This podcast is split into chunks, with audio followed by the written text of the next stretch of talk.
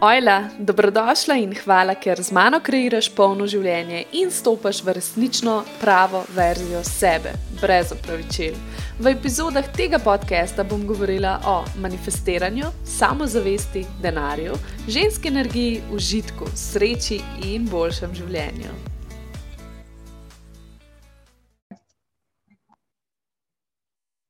Živijo, dragi moji, danes je z mano ena posebna gostja, moja zelo, zelo, zelo dobra prijateljica Maša Mazi, ki, ki zdaj ne bom govorila, kaj vse počne, ampak v bistvu želiva nekako danes zjutraj smo se v bistvu pogovarjali uh, glede duševnega zdravja, ker je bil včeraj svetovni dan duševnega zdravja. In smo ugotovili, da imamo zelo zanimivo temo za deliti, ker čeprav smo zelo dobri prijatelji, smo si v bistvu tudi zelo, zelo različni. Ampak mi je nekako všeč, kako smo že tako zreli, da znava ena drugi povedati, kaj naj jo pri drugim moti, oziroma česa niso razumeli in se na ta način potem pogovarjava. In smo se v bistvu odločili, da, da lahko tudi tukaj pokažemo, kako, kako lahko tudi vi sami v svoji družbi to, kako se lahko izraste in kako se potem lahko odzovete, in dobite neke odgovore, ki ste jih mogoče čist napačno razumeli. Tako da jaz bi zdaj na hiter, sam prosila tebe, Maša, da se mečka na hiter predstaviš, oziroma poveš, kaj včeraj sploh bilo, kaj si ti delila na svojem Instagramu, kakšno sporočilo si dala o duševnem zdravju. Pa bom pa izpovedala, kaj se, če, kaj se je mene dotaknilo. Kakšen lep nagovor. Hvala, hvala. Um, mislim, ne bom li zdaj govorila, kaj vse delam in te zadeve. Um, mogoče se mi zdi za kontekst pomembno, da povem, da se v bistvu že celo življenje ukvarjam z svojim mentalnim zdravjem. Um, bolj ali manj uspešno, zadnja leta precej uspešno, so bili pa vmes res, res kritični trenutki. Tako da meni moja psihoterapeutka reče, in mi je fully všeč ta izraz, ko nekako imam zdaj klele kar noter blizu, reče mi, da sem iskalka, kar se mi zdi zelo primeren tudi za kontekst tega, kar bo zdaj govorili. Ker dejansko, preden jaz sem zdaj v psihoterapevtskem procesu uh, od maja, kar je zelo malo časa, glede na to, da se v bistvu od 10. in 11. leta v bistvu vidim, da nekaj ni bilo ok, ne, in sem že v bistvu takrat imela prvo tako težje obdobje. In to je več kot polovica mojega življenja, in v vsem tem umestnem obdobju sem si probala nekako sama pomagati in sem iskala načine, kako se tukaj nekako rešiti. Ne. Iz tega razloga sem zelo občutljiva, ker pride do mentalnega zdravja, ker pač, tako kot tudi ti veš, ne sama iz svojih izkušenj pač to je res proces. Tukaj je toliko enih luken vmes, ne veš, kje prijeti, hočeš pomoč, ne dobiš pomoči, ne veš, da si vreden pomoči. Pač uh, misliš, da nisi, ne, misliš, da boš sam lahko rešil, pa hkrati. Rabiš nekoga, pa ne, zve, ne veš, če si to zaslužiš, o so drugi s to hujšimi problemi in vse te zadeve. Tako da, ja, v glavnem iz tega uh, ozira sem zelo občutljiva na to temo in se res želim tako nekako goreče, da bi čim več ljudi, pač, ki ima podobne težave, našel neko pomoč. Um, in včeraj je bil svetovni dan duševnega zdravja, tako da sem delila nekaj, kar me je v zadnjih parih tednih najbolj razkuril na to temo, seveda. Tako sem, ne bom sam nekih definicij delila, moram povedati, kaj me razkuril. Tako da v zadnjem obdobju me je res uh, podkuril, trigiral, tako kot sem že te parkrat povedala, točno na specifičnih primerih. Um, ko določeni ponudniki, recimo temu, nekih alternativnih pristopov k duševnemu zdravju, um, postavijo neko trditev, da z njihovimi pristopi lahko oni dejansko rešijo neke zadeve, ki če bi, če bi se oni bolj mehko izrazili, bi temu rekli, da so to neke stiske ali pa neka občutja, tako jih pa prav poimenujejo. Recimo, rečejo, vem, na ta način premagaš anksiozno motnjo, ki je recimo meni najbližje. Eni rečejo, na ta način se rešiš depresije, na ta način, vem, zgubiš svoj OCD in take stvari. Taki zelo, zelo, zelo veliki klejmi, zelo, zelo težki. In se mi zdi, da dejansko je to precej nevarno, ker poznam tudi osebno veliko ljudi, ki so padali v bistvu v, v neke take odnose eh, s ponudniki nekih alternativnih storitev, ki mogoče niso bili usposobljeni za človeka s tako hudo stisko tega prostora odpreti, ga zadržati in tudi zapreti. In pa recimo pride človek v ta prostor in se totalno odpre, zelo hudo depresijo, zelo hudo tesnobo, zelo hudo stisko, kar koli že to je, zelo hudo, celo res resno boleznijo. Ne? In potem ta človek ga ne zna držati, pa se pa lahko zgodi ali totalen kolaps, ali pa totalen eskapizem, ker naenkrat postane človek, ki je bil prej zelo očitno v hudi stiski, pa potem love and light in vse je v redu in odkrije ne vem kaj. Ne. Um, tako da, ali se to mhm. zgodi, ali pa dejansko lahko postane še, še hujše.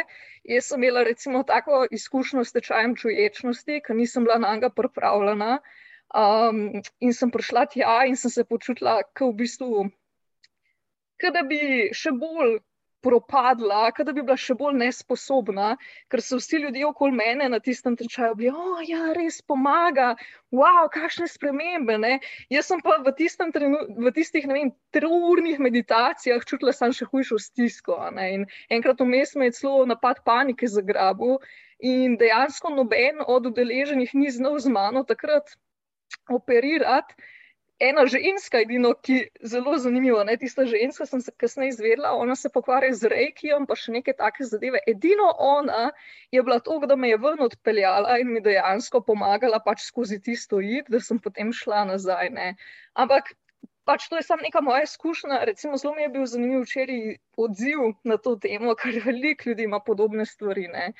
Tako da, um, mečkam se mi zdi, da, da imamo res težavo s tem, ker je mentalno zdravje kar naenkrat trend postalo in zdaj kar mal trendi, da si anksiozen, da si depresiven. Da, ker tako govorimo to v vsakdanjem pogovoru. Jo, veš, prejšnji teden sem lahko depresivna. Ali pa, ja, veš, jaz sem, to je ta moj OCD, ki mora imeti in kulije po barvah zložene, pa take stvari. Ne. In dejansko ljudje, ki imajo res konkretne duševne stiske, duševne motnje, Um, njih to lahko zelo prizadene, ker se počutijo nekako, da je to razvrednoteno. Ali pa si celo mislijo, da oh, moji problemi niso dovolj vredni, ali pa nekateri celo postanejo v bistvu potem, kar nekako, kako bi temu rekla, postanejo v teh, um, v bistvu se uživijo v tem motnji do te mere, da jih potem lahko celo dejansko imajo. Ne? Tako da iz vseh vidikov je to, kar se zdaj dogaja, kar se tiče mentalnega zdravja, lahko precej nevarno. No? Uh, tako da, ja, včeraj sem v bistvu delila v glavnem vsebine na to temo, kako je dejansko mentalno zdravje zdaj trend in da mogoče se v bistvu lovljenje kar vsakega pristopa, ki ga nekdo oglašuje. Tudi to, ne, to se mi zdi sporno, to sem hotela tudi povdariti, pa ne vem, če je čisto prišlo v bistvu skozi sporočilo, da ljudje, ki ponujajo neke rešitve, v bistvu na nek način neetično tržijo zadeve, tako da se obešajo na neke zelo, zelo resne zadeve. Ne? To se mi tudi ne zdi v redu. Mislim, kako ima nekdo dejansko v sebi pogum, da reče, da bo on s svojim, ne vem. Tapkanjem ali pa jogo, ali pa ne vem, če jim pozdravim depresijo ali pa kaj tasga, beyond me.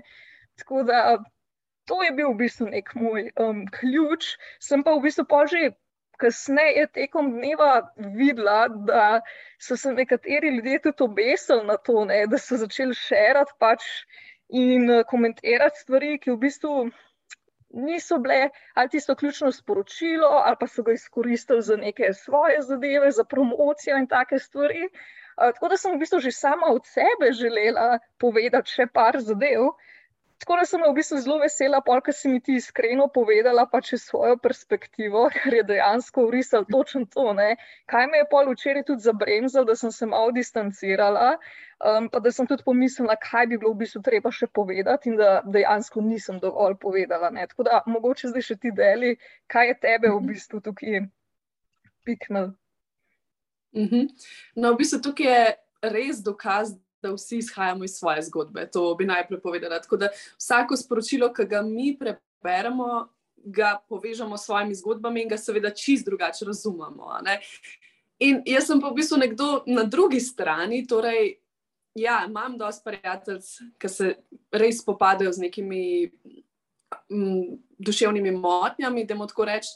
Uh, jaz sem pa v tisti fazi, ki pa sem vseeno imela neko hujše obdobje v svojem življenju, recimo občutje depresije, in nekako izhajam čisto iz druge iz druge plati, ne, da zdaj razložim. Torej, jaz sem včeraj, ko sem prebrala mašine storije, seveda v veliki meri strinjala in tako ali tako duševno zdravje je en tak zelo širok pojem. In tako ali tako, tudi če bi ti želela res vse sporočiti, kar si želiš, bi potem lahko imela, ne vem, kar cel podcast o tem ali pa.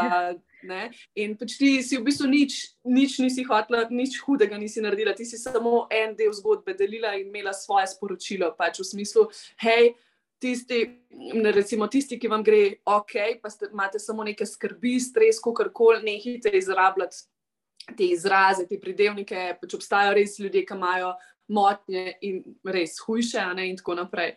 Seveda, mene se je pa to dotaknilo, zato ker sem bila pa nekje vmes. Ne, in jaz sem šla takoj gledati definicijo, kar drugače kot fulj sem jaz, ampak jaz sem šla tako res raziskati definicijo duševnega zdravja da jaz vidim, ali jaz sploh to dobro dojemam, da lahko sploh še malo bolj vidim, kaj sem jaz imela.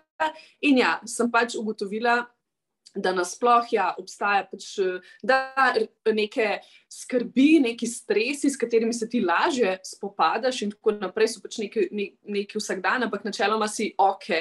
Pač, da to pomeni, da se to tretira kot da si zdrav, da je duševno zdravje ok. Ampak, to, torej, potem imaš duševne motnje, ki so pač res neke, neke večje bol, bolezni, kako bi temu rekli, torej depresije, anksioznosti, kot se rekla, OCD in tako naprej. Pa imaš pa še tiste vmes, te so pa odvisne od obdobja, ki ga imamo v življenju, torej lahko gremo čez neko res hudo obdobje. In pa neka začasna občutja, torej ne, neki ni ok. To lahko tudi, ne vem, ni nujno, da imaš samo občutje depresije, lahko neki ni ok s tvojo samo podobo, z odnosi, mogoče tvoje reakcije niso primerne, pa si to želiš izboljšati.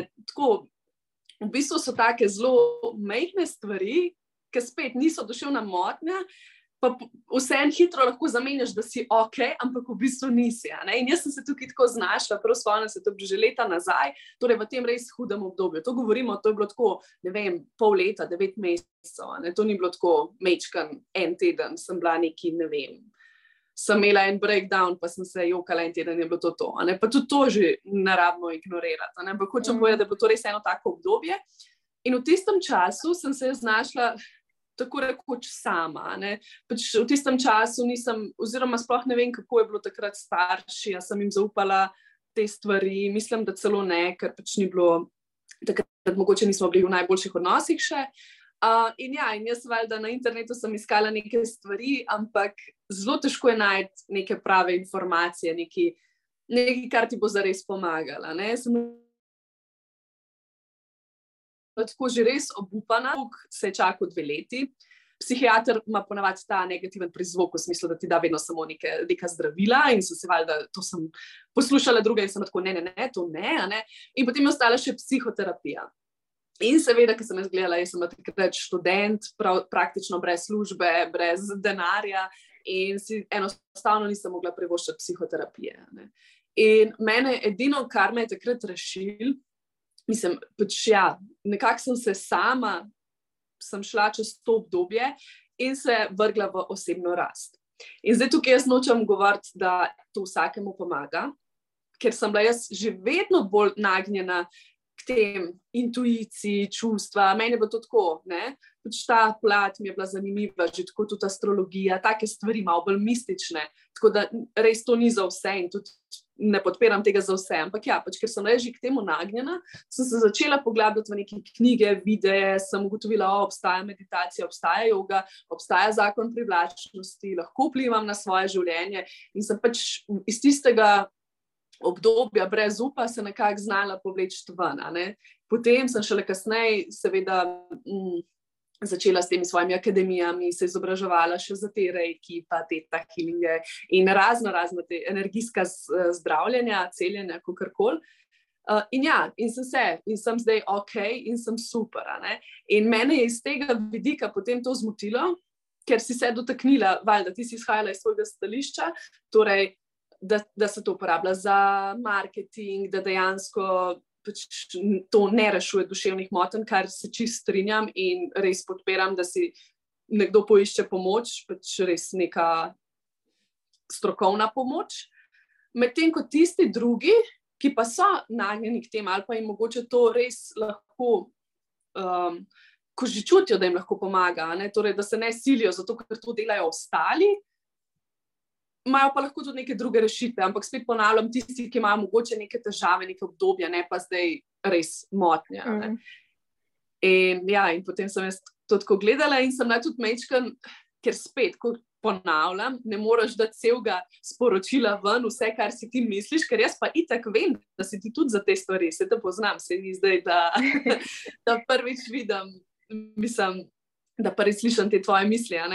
In jaz sem se pa tukaj postavila v drugo vlogo, torej, kaj pa mi, da ti tako gledaš na sebe. In sem tako, ok, skozi govorimo, ja, mentalno zdravje, duševno zdravje, kako koli bogi tisti, rabijo pomoč, da jim si poiskati pomoči, a ne da zelo malo pa govorimo res o tistih, ki pa ignoriramo te svoje težave, ravno zato, ker imajo drugi toliko bolj hujše težave in pa smo mi tukaj nekje vmes in smo tako, ne, ne, se sem pa ok, kaj sploh jamram, ne, nekako to mhm. tlačimo vse uh mhm. -huh. in ne prevzamemo te odgovornosti, pa da lahko nekaj naredimo. Vse pa strinjam, da tudi jaz.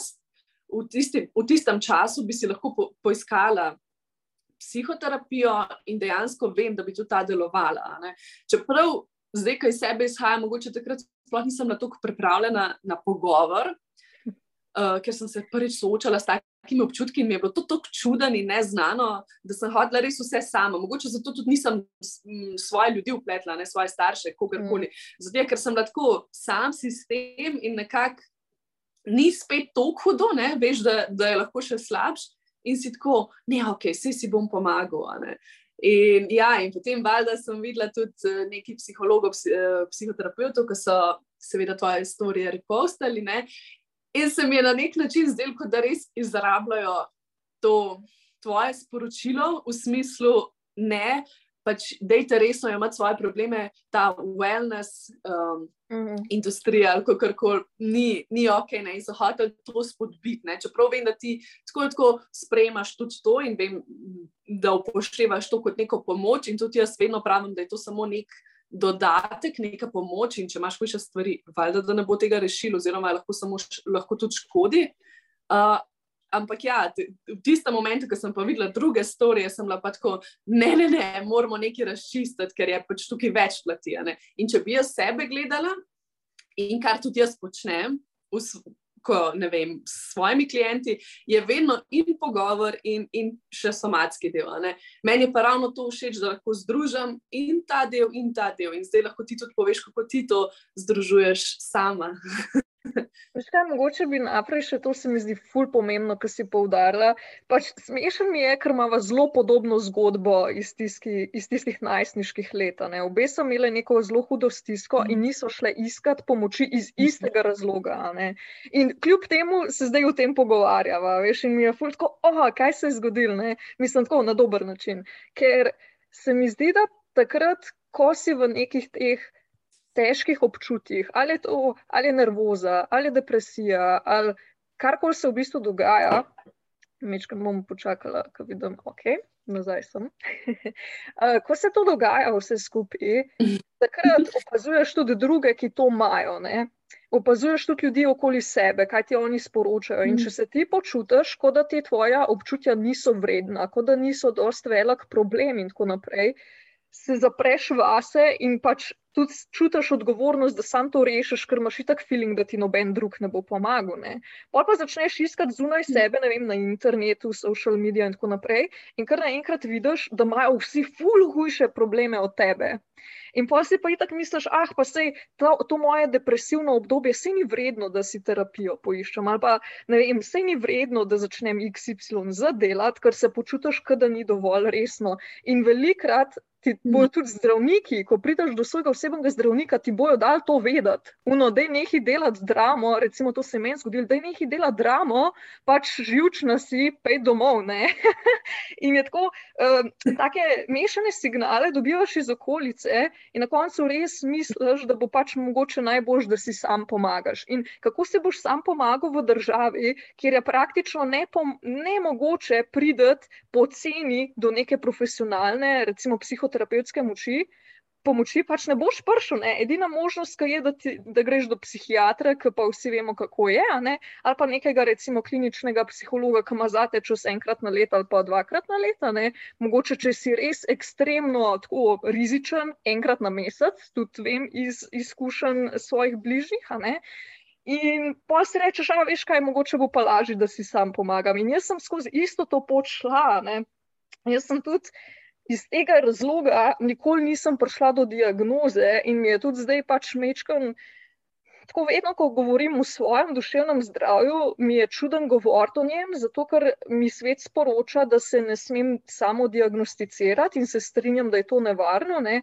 Hkrati pa še zmeraj razmišljam za nazaj, ampak gledaj, jaz sem imela res hudo stisko, še zdaj jo rešujem. Ne in uh, verjetno jo še dolg časa bom. Ampak hkrati je pa tako, takrat pa do te diagnoze nisi mogel priti. Enako je bilo recimo v obdobju, ko sem se jaz čutila, da sem izgorela in sem praktično eno leto ležala v posli in delala noč, ampak takrat pač še to ni bil trend, bom tako rekla. Ni bila to mm. neka diagnoza, ki se je postavljala. In spet pač kar ne dobiš neke potrditve. In kaj pol narediš?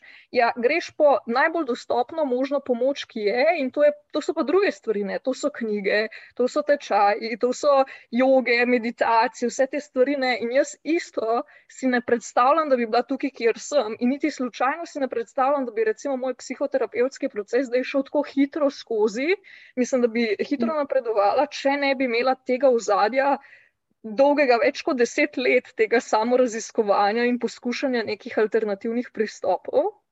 Um, tako da, ja, definitivno so zelo, zelo, zelo močni in iz tega vidika se mi je zdel pol v bistvu po tistem včerajšnjem govoru o teh stvarih zelo malo neferne, ker dejansko problem je lih to, da imamo premehno ponudbo teh res strokovnih oblik pomoči, premalo so dostopne, zato so ljudje v bistvu prisiljeni iskati neko alternativo, ki jim lahko pomaga, ampak spet tam, ali ljudje so dosti usposobljeni, ali niso, ali padajo prave roke, ali ne. V bistvu je isto pri alternativah kot pri strokovnih stvareh. Mislim, koliko mm. ljudi recimo poznam, ki so prišli do psihiatrov, pa so jim take stvari govorili, da se še zdaj počutijo še slabše, kot so se takrat, ali pa da so začeli hoditi na terapijo, pa so prišli še z večjim občutkom manj vrednosti, recimo, ven, ali pa da so še poglobili dobili svoje probleme, ali pa isto se vedno dogaja. Te v bistvu na teh nekih oblikah pomoči te odprejo, da postaneš res ranljiv, pa te pa ne zaprejo, ne? pa te pa pustijo, da ti tam krvaviš, ne veš, kaj sam sabo. Rečejo ti, hej, eno uro si plačal, zdaj pa je pa ven, ne? in ti pol sam ostaneš spet. Vse te oblike so lahko zelo, zelo nevarne, ne glede na to, ali si ti izobražen psihoterapeut, ali si se šolil, ne vem, deset let, pa ima že 50 let dela na samem sebi, ali pa dela šele dve leti, pri vsakem je lahko to tveganje. Ne? In se mi zdi tudi to, ja, kar se je včeraj zgodilo, da sem mal krivice naredila dejansko ljudem, ki pač. Ste tukaj za ljudi na celem spektru, ne glede na to, ali je to samo obdobje, ki je težko, ali je to neko že bolj kronično um, stanje, ki bi ga bilo treba iz večjih vidikov pogledati. Ne? Pač to je dejansko tisto, uh, kako bi se temu rekli, nek safety net, ki ujame neke tukaj odpadnike, ki se mogoče mhm. počutijo nesposobne najti, mislim, nesposobne, da niso vredni. Prave pomoči, ne? ali pa da je to res tista zadnja bilka, ki jo zmorejo prijeti. In je pomembno, da je to povsod okolje, ker če tega ni bilo, fu ljudi izgubili. Tako da, moj TED talk. Se to je super poslušati. Ej, glihu vmes sem razmišljala, ne, točno to, kar si rekla, um, da vedno mislimo, ne, da morajo biti problemi hudi. In to je tako smešno, kako ne moramo tega normalizirati. Kako tudi, tudi če ni neki, mislim, vse kon, v kon, konc koncev vsi rabimo psihoterapijo. mislim, že nasplošno v okolju, v katerem živimo. In, Ne? ne bom rekel, da zdaj vsi, vsi morate meditirati, ampak ja, definitivno pa vsi rabijo neko delo na sebi, delo na osebni rasti. Zdaj, kogarkoli bojo to dobili, ali bojo skozi psihoterapijo, ali bojo skozi s tem well-beingom, s čemkoli z jogo, karkoli. Ampak se mi zdi, da nekako skoraj vsak, vsak ima nekaj za prečistiti, vsak ima neke travme. V končni fazi tudi to, ne vem, sem se včeraj tega dotaknila, razmišljala sem definitivno o tem, tudi travme, zelo različno vplivajo na človeka oziroma vsak ima svojo zgodbo in vsak je imel neke svoje travme, ampak tudi to, kako mi to kar. Ocenjujemo, če gava travma je hujša. Recimo, oh, ne pa ful trpel, ne, zdaj pa ne smem več govoriti, ali pa ne, moji problemi niso vredni. Ker v bistvu, ne, kaj je travma? Vse travma je samo neka zastala energija v tebi, neka blokada, nekaj, kar si ti. Uh, kako bi rekla, ki se ti je zadržalo nekje v telesu in pač ne moreš naprej zaradi tega. In vsakič, ko naletiš na neki tasg, ne ti pač trigger, te potem to spodbudi, aktivira, kako koli in ti ne da naprej. In zdaj travma je lahko nekaj čist mehanga, lahko je nekaj, ne vem, nisi imel dovolj pozornosti kot otrok. Ne vem, so starši velik del ali pa je to lahko zelo huda travma. Ne? Tako da, um, running out of time, aha, ok, neki mava. Rekla nam je, da bo brezplačno podaljšal. Hvala, Zoom, res. oh, hvala, Zoom. no, tako da ja, um, in mi je všeč, da sploh o tem govoriva, zaradi tega, ker se mi zdi pomembno, da tudi spodbudiva ljudi, ne, da je normalno si poiskati pomoč. In ja, tisti, se pravi. Um, tisti, ki si to lahko privoščijo, definitivno jaz priporočam oboje. Jaz priporočam in psihoterapijo, in drugačne pristope, ali pa da si res poslušaš sam sebe, torej da se ne več ne oziramo toliko na druge ne? in da poslušamo, ja, psihoterapija te bo rešila, ali pa obratno. Ne, pač ti sam začni meditirati, pa boš najdel svojo resnico. Ne? Ker ja, toliko smo si različni in če bi dejansko mečkal dal. Fokus na sebe, to pozornost, da bi se spoznali in videli, kaj nam leži, bilo zelo hitro, ugotovili, da bi lahko zelo hitro si najdel boljšo pomoč. Tako pa nekako nekak poslušamo druge, fuljenih informacij, ja. tako da si rečemo, vsi res si bombardiran zdaj okrog tega. Po drugi strani je to, ja, strokovna pomoč, strokovna pomoč, pa, pa si ti misliš, ja, pa se jaz itak nimam dost uh, težav za strokovno pomoč, kar pač ni res. In se mi zdi, da smo kar v enem takem krogu, nekih neskončnih možnosti. In pa včasih kaj narediš, je celo to, da pač spustiš in odnehaš ja, in si nič ne najdeš, ravno zaradi tega, ker mhm. je vsega preveč. Ni tako. No. Točno to. In res tudi uh, iz vidika, kakšen spektr možnosti je na voljo, že to je kar tako dušeče, ne? ker je uno, o, kaj ja. vse moram še probati. Recimo, ko si res v hudem obdobju neke stiske se velikrat počutiš sam in si moraš sam pomagati, in tako naprej, pa skrivati začneš, in lahko ljudje dejansko ne vejo, da je sploh tako resno, kaj je narobe. Ne? In pa si predstavljaj, da imaš ti v takem stanju še cel seznam enih stvari, ki ti jih Google govori, da jih moraš probati. Tako deset tisoč nekih alternativnih in strokovnih pristopov, pomešanih med sabo. Plus, pod vsako to vejo, ima še 15 izvajalcev, ki bi jih lahko preizkusil. In zdaj pač na koga se obrniti, kje začneš. Tvoja soseda pravi, da je bila una super, tvoja druga soseda pravi, da je bilo nekaj drugega fantastično in da tista prvo noč ne pomaga. Ne? Pač kdo je zdaj tisti, ki ga poslušaš in ko si ti res v taki stiski, je to tu mač, pač enostavno se počutiš, da si nek. Um, da si nesposoben, ker nisi sposoben tega preveriti, da si, si nisi sposoben pomagati. In v bistvu po eni taki spirali padaš še bolj proti dnu. Ne? En ti kriči z enega Instagram profila, hej, to te bo rešil pred ne vem kakšno hudo duševno motnjo. In si ti tako, evo, super, zdaj bom investiral vse svoje prihranke, ki jih imam, zato da bom to probo, ker mi je on obljubljal, da bo pomagal. Pa še soseda je rekla, pa pa njemu ne pomaga. Ne? In je spet tuno, o, nekaj je z mano narobe. To je tudi ful pogosto. Na koncu pol spet sebi krivimo, pač z mano je nekaj narobe, da ta metoda ni delovala. Za vse ljudi mm. deluje, e, za me pa ni. Ne.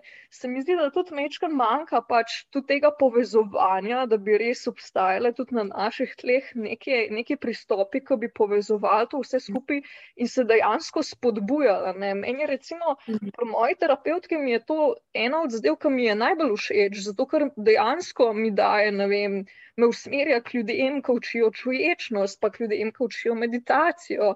Pa ne vem, mi da razli od različnih ljudi neke pristope in potem jaz v bistvu med njimi raziskujem, kaj mi najbolj ustreza. In mi je to fajn, ne? ker ne reče samo moj pristop terapevtski, pravi, ja, pa imamo še to, kjer, um, kjer način terapije je pravi. Ne? In zdaj še to ti odkri, ker to je na tebi, kot na kupcu, je, ne? da boš ti ugotovil, kaj ti potrebuješ. In valjda, kunu, ki bo šel, on ti bo povedal, da je njegova terapija najboljša za te. To se mi zdi da je tako tudi mečkan grdo in težko hkrati, ker se razumeš, pač ljudje s tem morajo preživeti, to je njihov job, ne, valjda, da bojo svoje poskusili uveljaviti in tudi, da verjamajo, da to lahko vsem pomaga na nek način, mogoče ga za to specifično osebo še niso našli, ampak tako se mi zdi, da je res nujno da kot ponudnik storitev, ne glede na to, kaj delaš, ne, ali si psihoterapeut z ne vem kakšnimi licencami, ali si pa pač nekdo, ki ga zanima, ne vem, um, zdaj bi kar neki black, no, pač neke dišeče svečke, whatever, ne. Karkoli delaš, da znaš prepoznati, kdaj ti človeku dejansko ne moreš več pomagati, ali pa da potrebuje nekaj drugega, in da, da si tok res načelen in nuno iskren, da ga lahko usmeriš k nekomu drugemu ali pa k nekemu drugemu pristopu, preden mu narediš še več škode. Ne. To se mi zdi, da je v bistvu največji problem, ki ga imamo čisto na vseh um, nekih ravneh, ne? tudi na teh strokovnih, vse je isto. Pač jaz si recimo nikoli nisem upala poklicati tistega telefona za ljudi v stiski, ker si nisem pač mislila, da je moje dost vredno, pač bom raj tukaj segnila. Tako, eh, ker ti dajo velikrat tudi potem te ljudi občutek, da ne vem, da pa ni dost ali pa da boš se zdaj mogel vezati za dve leti za neko terapijo z denarjem, ki ga nimaš in tako naprej. Pač cel sistem ne, vem, ne podpira tega, da bi ljudje dejansko duševno bili res bolje. Mm. Ja, točno to. Eni, mislim, da je to tako drugačen dvorez, dvorezen meč. Ne? Ker po eni strani razumeš, da so te terapije, sešni, kako koli. Naporni, sploh če so to kakšne hude travme, niso naporni samo za klienta, ampak tudi za psihoterapeuta, ne, po eni strani veš, da nekako more ovrednoti svoje znanje, ne, da verjetno dela manj ur, kot ostali in more nekako to not prinesti in tako naprej, in da je naporno. Po drugi strani pa točno to, ja, ker se znajdeš v stiski, v finančni, v hudi stiski, kako si sploh pomagati, ne, kaj je tisto. In točno, kar si umenila, eh, tukaj je enih tehnik, tukaj je enih stvari, in pa se še bolj ta vzorc tako prikaže, nisem dovolj vredna. Že tako se s tem soočamo, skoraj skor vsak se počuti, da ni dovolj vreden za nekaj. Ne? In ja, in gledaš, se, se tudi jaz, to je pa tisto, tisto konstantno učenje. Mi dve imamo itek to skozi, ko se nekaj učiva. Ne? Ker gledaš, obstaja še to, pa še uno, pa nisem, ne vem, jaz isto, ko sem šla na akademijo. Pa sem, že tam smo imeli tako ogromno tehnika. Ni bilo, ni bilo samo nekaj, da bi šla jaz na, za, na karmično diagnostiko, ampak je bilo kar vse. Ne? Vse smo imeli, vse možne tehnike, ne? kjer so nas sicer spodbujali in učili ravno, da vse te tehnike povezujemo med sabo. In sem tako, ok. Pa sem videla, da drugi hodijo na jogo, da ti to zelo pomaga. Tako, tako sem šla bolj not v neke te meditacije. Sem tako, ja, jaz hočem to, jaz hočem to. Ne? Sem naredila, ne vem, tečaj za jogo učiteljico, ampak sem se vmes že začela izobraževati eh, pri nekih coachinjah iz Tunisa, ki imajo tudi te insomatske pristope in tako, pač nisem uno coach, da je nek motivator. Ne. In tako, vse čas ugotavljaš, da je nekaj še več, še več. In kot si rekla, lahko bi cel dan namenil samo temu. Torej, Imel neko terapijo, potem bi se doma tapil, meditiral, šel bi na jogo, skratka, pol enih stvari. In kaj te to dela, to je pač tako čisto kontradiktorno. Po eni strani bi bilo to ok? Ne, da bi bil boljši, da bi se boljš počutil, po drugi strani te dela pa, oziroma te daje v nek večji stres, še hujše. In po mojem, tukaj je res tako, ne vem, jaz sporočilo, ki bi ga dala drugim, je res to, da v prvi meri poslušaš sebe, v smislu, da se nekako, da, da vse vidiš, oziroma da probaš se ne toliko ozirati na okolico, kaj ti vsi govorijo. Ker če poslušaš okolico, ne, potem si lahko skozi med nekimi, uh, kako bi rekla. Odločitvami, ne veš, kaj bi. Če poslušaš enega, ki ti bo rekel, da ja, moraš na psihoterapijo, ne, moraš to, moraš ono. Ne. Ampak da res probiš tebe poslušati, kaj bi te pasala, ne. kaj bi ti zares pasala. Seveda to govorim če nimaš nekih hujših duševnih motenj. Torej, če si v tem stanju, ki veš, da nekaj ni ok, ampak misliš, da je kul, cool ker imajo drugi še zelo slabše težave. Ne? Tako da, ja, pač poslušati sebe in pa seveda govoriti o tem. To je bila tudi ena taka stvar, meni je bilo vedno sram govoriti o tem, ker potem si pa šipkejši. V resnici pa gotoviš, kot sem že rekla, da imamo vsi ene situacije, s katerimi se spopadamo, ne glede na to, kakšne življenjsko zgodbo imamo, še vedno ima vsak neke svoje travme, neko svojo zgodbo. Tako da, definitivno govoriti o tem, zaupati komu, ki je vreden zaupanja, ker ti moče že un lahko pomaga. Mislim, ne v smislu, da je zdaj tvoj prijatelj psihoterapeut, ker to je čisto narobe, ampak v tem smislu, da te nekako usmeri na pravo pot. In ja, se strinjam, jaz tudi, to sem se tudi zadnjič pogovarjali. Recimo pri svojih klientih, da nikoli ne bi, uh, oziroma da me kar strah, včasih take izkušnje, ker bi ker bi mogla povedati, oziroma vem, da bi pač rekla, ne, sorry, jaz tega ne morem. Ne, potrebuješ neko strokovno mm. pomoč. Ne. Sicer bi pač na lepši način rekla, jasno. Tako da. Ja. ja, ne, res se mi zdi ključno, da malo. Potipaš, pa znaš tudi samega sebe oceniti, ali pa da nekomu toliko zaupaš, da te lahko on. Recimo, jaz če gledam za nazaj, mm. meni se zdi, da bi mi bilo super, če bi Tako da bi tudi najbolj zaupala, da bi magarle eno uro, da bi mi nekdo plačal takrat v najstniških letih, ko si sama, recimo, nisem mogla. Sam zato, da mi pove, mm. ne vem, ej, Maša, pač hude stvari se dogajajo v tvoji glavi, pač to je resno. Ne glede na to, kaj ti okolica ja. govori, pa kaj ti misliš, to je res resno in se lahko razvije v pač neke hude stvari. Da ti nekdo objektivno pokaže nek zemljevid, pa ti reče: Glej, to pa to, pa to, pa to, vse neke slabe izkušnje, ki se ti dogajajo, se dogajajo zaradi tega, ker to ni razrešen. Če tega zdaj le ne začneš razrešiti, se to lahko vleče in postane še huje. Ne? Ti, da ti nekdo res naslika, da ti vse pove, ok, je resno, ali pa da ti pove, joj, pač. Imáš očitno neko težje obdobje in te usmeri mogoče v nekaj, kar je tudi takrat pač za te primerno. Ne? Res to neko prepoznavanje tega, tudi od nas kot ja. prijateljev je ful pomembno. Ne, da če jaz vidim, da neko, neko moja prijateljica, prijatelja, da, da ima hudo stisko, ki se že nekaj časa vleče in da sama oziroma sam ne more zaprositi za pomoč noče ali pa karkoli, da, da vem, kam jo usmeriti, da mogoče to prepozna, da vem, kako odpreti pogovor, da ne vem, da dam eno knjigo, da povabim sabo na vem, meditacijo, karkoli, sam, da se začne v bistvu neko to zavedanje, ej, pač nekaj moram narediti. Ne? Tako da, mogoče, veš, kaj bi se mi zdelo, če bi mogoče še malo risala. Um, pač nekemu človeku, ki se mogoče zaveda, da mora nekaj začeti delati na sebi, pa ne ve sploh, kje prijeti, mm -hmm. Pa pač kje začeti, ker je lih taka poplava. Ker rečeš, poslušaj sebe. Ne?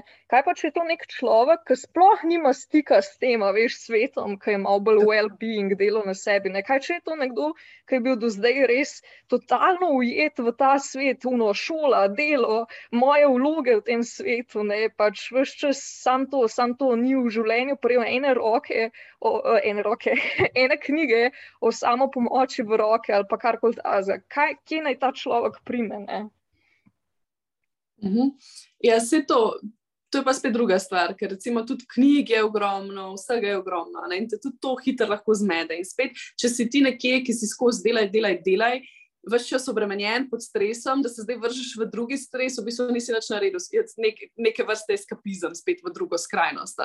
Tako da jaz definitivno priporočam v bistvu ta da se naučiš potem stika s sabo. Ne? Če še nimaš tega, da, da se poslušaš, da raziskuješ, da se mogoče samo znamo vrniti k sebi, v smislu, da, da začnemo početi neke stvari, oziroma da si končno znamo vzeti vsaj mečken časa zase, v smislu, da pač, ali da gremo neke ustvarjalne stvari početi, nekaj, kar smo počeli kot otroci, ali da gremo samo v naravo in se res probamo povezati, torej da se probamo odklopiti od teh stvari.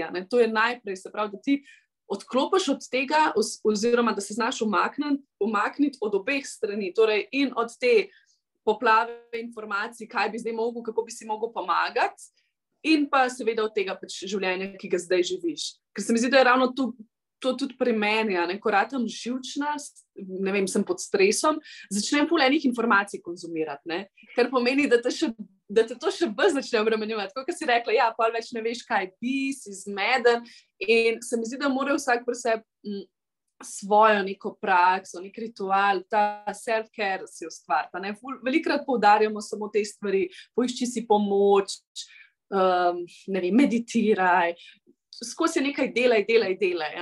Če bi pa mogoče res se probil naučiti iti v svoje telo, ker v bistvu telo, s, te, s telesom komuniciramo, ne? takrat je pol poslušaj sebe. Torej, če bi se znal, pa to lahko je to praksa, samo jutranja, kjer pač pijem čaj in probam dihati. Samo da se naučiš mogoče dihati, pa ne spet, da je to neka dihalna vaja, ki moš ne, spet neke uh, te pranajame, pa te, ki te lahko spet pride, pripelje do nekih uh, anksioznih občutij. Ampak ja, da se, da se probaš samo umiriti in da se probaš družiti s sabo, ker na ta način se tudi spoznaš in v bistvu lahko lažje vidiš, kaj se dogaja. Mogoče tudi, da spraviš nekaj vse na papir, torej, da daješ na ta način ven in da potem se počasi, počasi izobražuješ in potem, pa, potem pa že vidiš, kaj ti paše, ti paše meditacija ne? ali ti ne paše. Ne Zdaj, eno je to, da jo ti prižgeš, pa si um, pa misliš, švigajo, ali pa da dejansko čutiš, ok, to nekaj ni kul, cool, kaj se v meni dogaja, ne pač takrat mm. prekineš. Mm. Ja, mogoče najprej, da si res na, koled, ne, na koledar, torej, mislim, ja, na urnik svoj dnevni, da si daš neko stvar in naj ne bo spet obvezujoča in um, neobvezujoča, ampak tako preveč naporna, v smislu, okay, spet moram nekaj delati, spet moram eno uro joge, joj, ne, ali pa celo dve uri mi bo šlo za to, spet da je neka obveza. Ne? Mm -hmm. Ampak v bistvu, da si razviješ vsaj v njih pet minut sam s sabo tako. Jaz na to tako. Ja. Super, res. Jaz sem takoj začela razmišljati o tem, kako je bilo meni recimo bizarno, ker sem poslušala, o, piši dnevnik, to bo rešil vse mhm. tvoje težave, pač dnevnik je zakon. In jaz tam sedim vsak dan, ker mi vsi ljudje okoli govorijo, da moram pisati dnevnik in sem tako dragi dnevnik, danes sem jedla zajtrk in sem tako, kako to meni pomaga. Veš, noč mi ni bilo in sem vsak dan samo o tem razmišljala, oj, pa moram to, pa moram to, pa noč ne deluje. Pa sem kar nekaj časa pisala ta dnevnik in pa sem itak nehala ne, in še zmer gledala. Kada je nekaj narobe z mano, ker vsi ti ljudje jim ta dnevnik spremenja življenje, meni pa ne. ne. Dokler nisem pa na neki točki res sama od sebe, pač krtko, spontano začutila, da nekaj razmišljam, pač ne znam teh misli prijeti, bom jaz to nekam na papir dala, odprla en zvezek in sem kar neke miselne vzorce, te svoje miselne vzorce začela delati, veš. In sem tako, Wow, ful zanimivo, e, en krogec, to bi lahko še malo razpredala. In pa na neki točki sem kar pisala o spominih, pa pač nekih razmišljanjih, ker sem tisti trenutek v bistvu na mestu, da bi sam v glavi to razpredala, sem jih dala na papir. Ne? In se prav spomnim, da sem to nehala, popisala, ne vem, deset strani, roka mi je skoraj odpadla, jaz gledam ta svoj zvezek in si rečem, wow, to je dnevnik, hej, pa to je noro, ja. veš, in od takrat recimo zdaj sploh ne čutim več te obveze do dnevnika, ampak takrat takrat, recimo, ko res začutim, da imam neke misli, ki jih ne morem v glavi dobro prijeti, pač primam in pišem. In to je dejansko takrat v tistem trenutku nekaj, kar se mora zapisati in predelati. Ne, ne pa tisto, danes sem za zajtrk jedla XY. Ja. Mislim, to, to je kar nekaj. Ne. Tako da pač mhm. res se mi zdi ful pomemben, ker si to poudarila, da pač najdeš neko stvar, ki je tebi prijetna in zate deluje, in ti ni neka zdaj muka in obveza. Ne? Ker verjamem, da ne glede na to, kako je hudo stanje, obstaja, upam, da no, če ne pač. Pač čim prej probati najti neko pomoč, če je res tako hudo, ampak dokler še nisi tam, da imaš vseeno eno stvar, ki te spravi v neko to stanje, da je ok, ne, aj to neko čečkanje ali risanje, boksanje vreče, uh, pač ne vem, svečka, čajček. Pol pa počasi, ki te to nekako skozi vsak dan nekako uplifta, pol pa to lahko postaja če dalje več stvari. Mm. Ja, ker imaš v bistvu več moči v sebi, bolj si povezan s sabo in dejansko se potem lahko slišiš. In tako kot si rekla, ja, točno to, da se ne obvežeš, da vsak dan moram pisati dnevnik, ampak da takrat, ko imaš, temu se reče, da purge, torej da sčistaš to svojo glavo. In recimo meni še, kar pa še pomaga, na tisti, ki pa res niste od dnevnika, vsem se vam pa zdi, da mogoče um, je polna glava, da bi dal to ven. Ja, kot se reče, včasih ti roka odpade. Meni so moje misli včasih tako prehitre, da dejansko ne morem vsega pisati. In takrat, kaj jaz naredim, vzamem telefon, si dam un voice, pač rekord in se snemam tako na polno, kot da imam podcast, ampak je pač za me podcast. Dobro, mi dve imamo to itak še, še v obliki voice messageov, da skratko, da že to pomaga. Ampak to je še ena taka varianta, recimo, če nimaš dnevnika oziroma se ti ne da. Pisati ali karkoli, mogoče tudi to en, en način. Ne? Ker včasih sploh ne rabiš, to je pa spet druga, druga stvar. Ne? Včasih sploh ne rabiš prijatelja, zato da ti bodo na svete, pa vedno neki svetoval, pa pomagal, ampak dejansko rabiš to sam vendati. Tako. In, ja. Tako da. Točno to. To je to. Jej, Skratka, pač na koncu, polita, ki se te stvari pogovarjaš, ugotoviš, da pač itak si vsi hočemo samo najboljša. Ja, tako pač čim manj tega, teh stisk in tega. In, Ja, no, so pa tako kompleksne teme, kot si rekla, pač, da se moramo o tem pogovarjati. Ker tudi, to, če bi to sam mhm. pri ne vem, teh storijih ustal, mislim, to ni to. Ne? Pač nekaj se še dogaja, vsaka taka stvar pol spodbudi še več enih stvari, vidiš še več stvari, ki niso ok. In, mhm. Neskončno, skratka, tako da sem full vesela, da so se to tudi kot prijatelji lahko pač pogovorili da ni to samo nekaj, kar vse tlačeš v smislu, da oh, nisem se strinjala s tem. Ne, pač fulje je fajn, da se to pogovarjamo, ne, ker na koncu mm -hmm. tako vidiš, da si prvoščaš najboljš. Točno to. Pa meni, meni je bil všeč način, no, kako smo si povedali, pač, da sem jaz tebi iskreno. Uno, ej, z vsem se strinjam, ni noben napad na te, ampak jaz sem to tako dojela, se poznaš mojo zgodbo, bla, bla, bla. In tudi ta, to tvoje sočutje, v smislu, oh, wow, ej, hvala, si mi odprla oči, v bistvu jaz sem čist ne, iz drugega kota gledala, oziroma ja, valjda, da se strinjam s tem, zdaj šele vidim, da se lahko moje sporočilo tudi drugače dojame. In tako, to mi je bilo tako nekaj zelo lepega danes. ja, meni je to pač čim več tega, ker vsi hočemo pač sam se izboljšati, konc koncev. In je ful pomemben, da si odprt pač za take stvari, ker že to, da ti nekdo to pove, je tako ful velika stvar.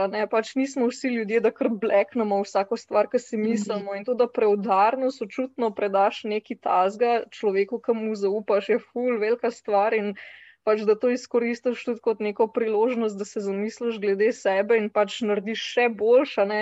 Mislim, sploh glede mm. takih stvari, ko smo ful čustveni glede njih. Jaz to ful vidim pri sebi. Pač, ta izpad teh storijev, kot sem rekla, je bil kar nek umpešen, ki me neki razkur in moram dati ven in sploh nimam tiste trezne glave. Ne? In mi je dejansko ful dobro, da me pol nekdo malo tako zašamari in reče, hej, Maša, ampak kaj pa una plat in si tako, o, oh, se res, to plat tudi imam in jo ful razumem, ampak sem čist pozabila na njo v vseh teh čustvih in pa v bistvu vedno znova pač si če dalje bolj tako celovit, kar se teh pogledov tiče, ne, in je če dalje manj tudi takih zadev, ampak so pač življenjske in človeške. Tako da ja. ja. Joj, kako si to lepo povedala, bravo, sklep, sklep. Klep, klep z obe, čestitam, odlični ja. predstoki. Jej. Ej, ful ti hvala, da, sa, da smo lahko to posneli, da si delila to z mano, da si odprta, da si ja, odprta za te stvari, da lahko iskreno pogovarjava in ko mi čakam, da prideš še do česa tazga, da lahko spet malo debatirava. Ja, enako. Prosim, da se ne strinjava vedno samo, oziroma na koncu ugotoviva, da se sam pač izražava se drugače. Se strinjam. Da, jej, hvala ti. Hvala tebi.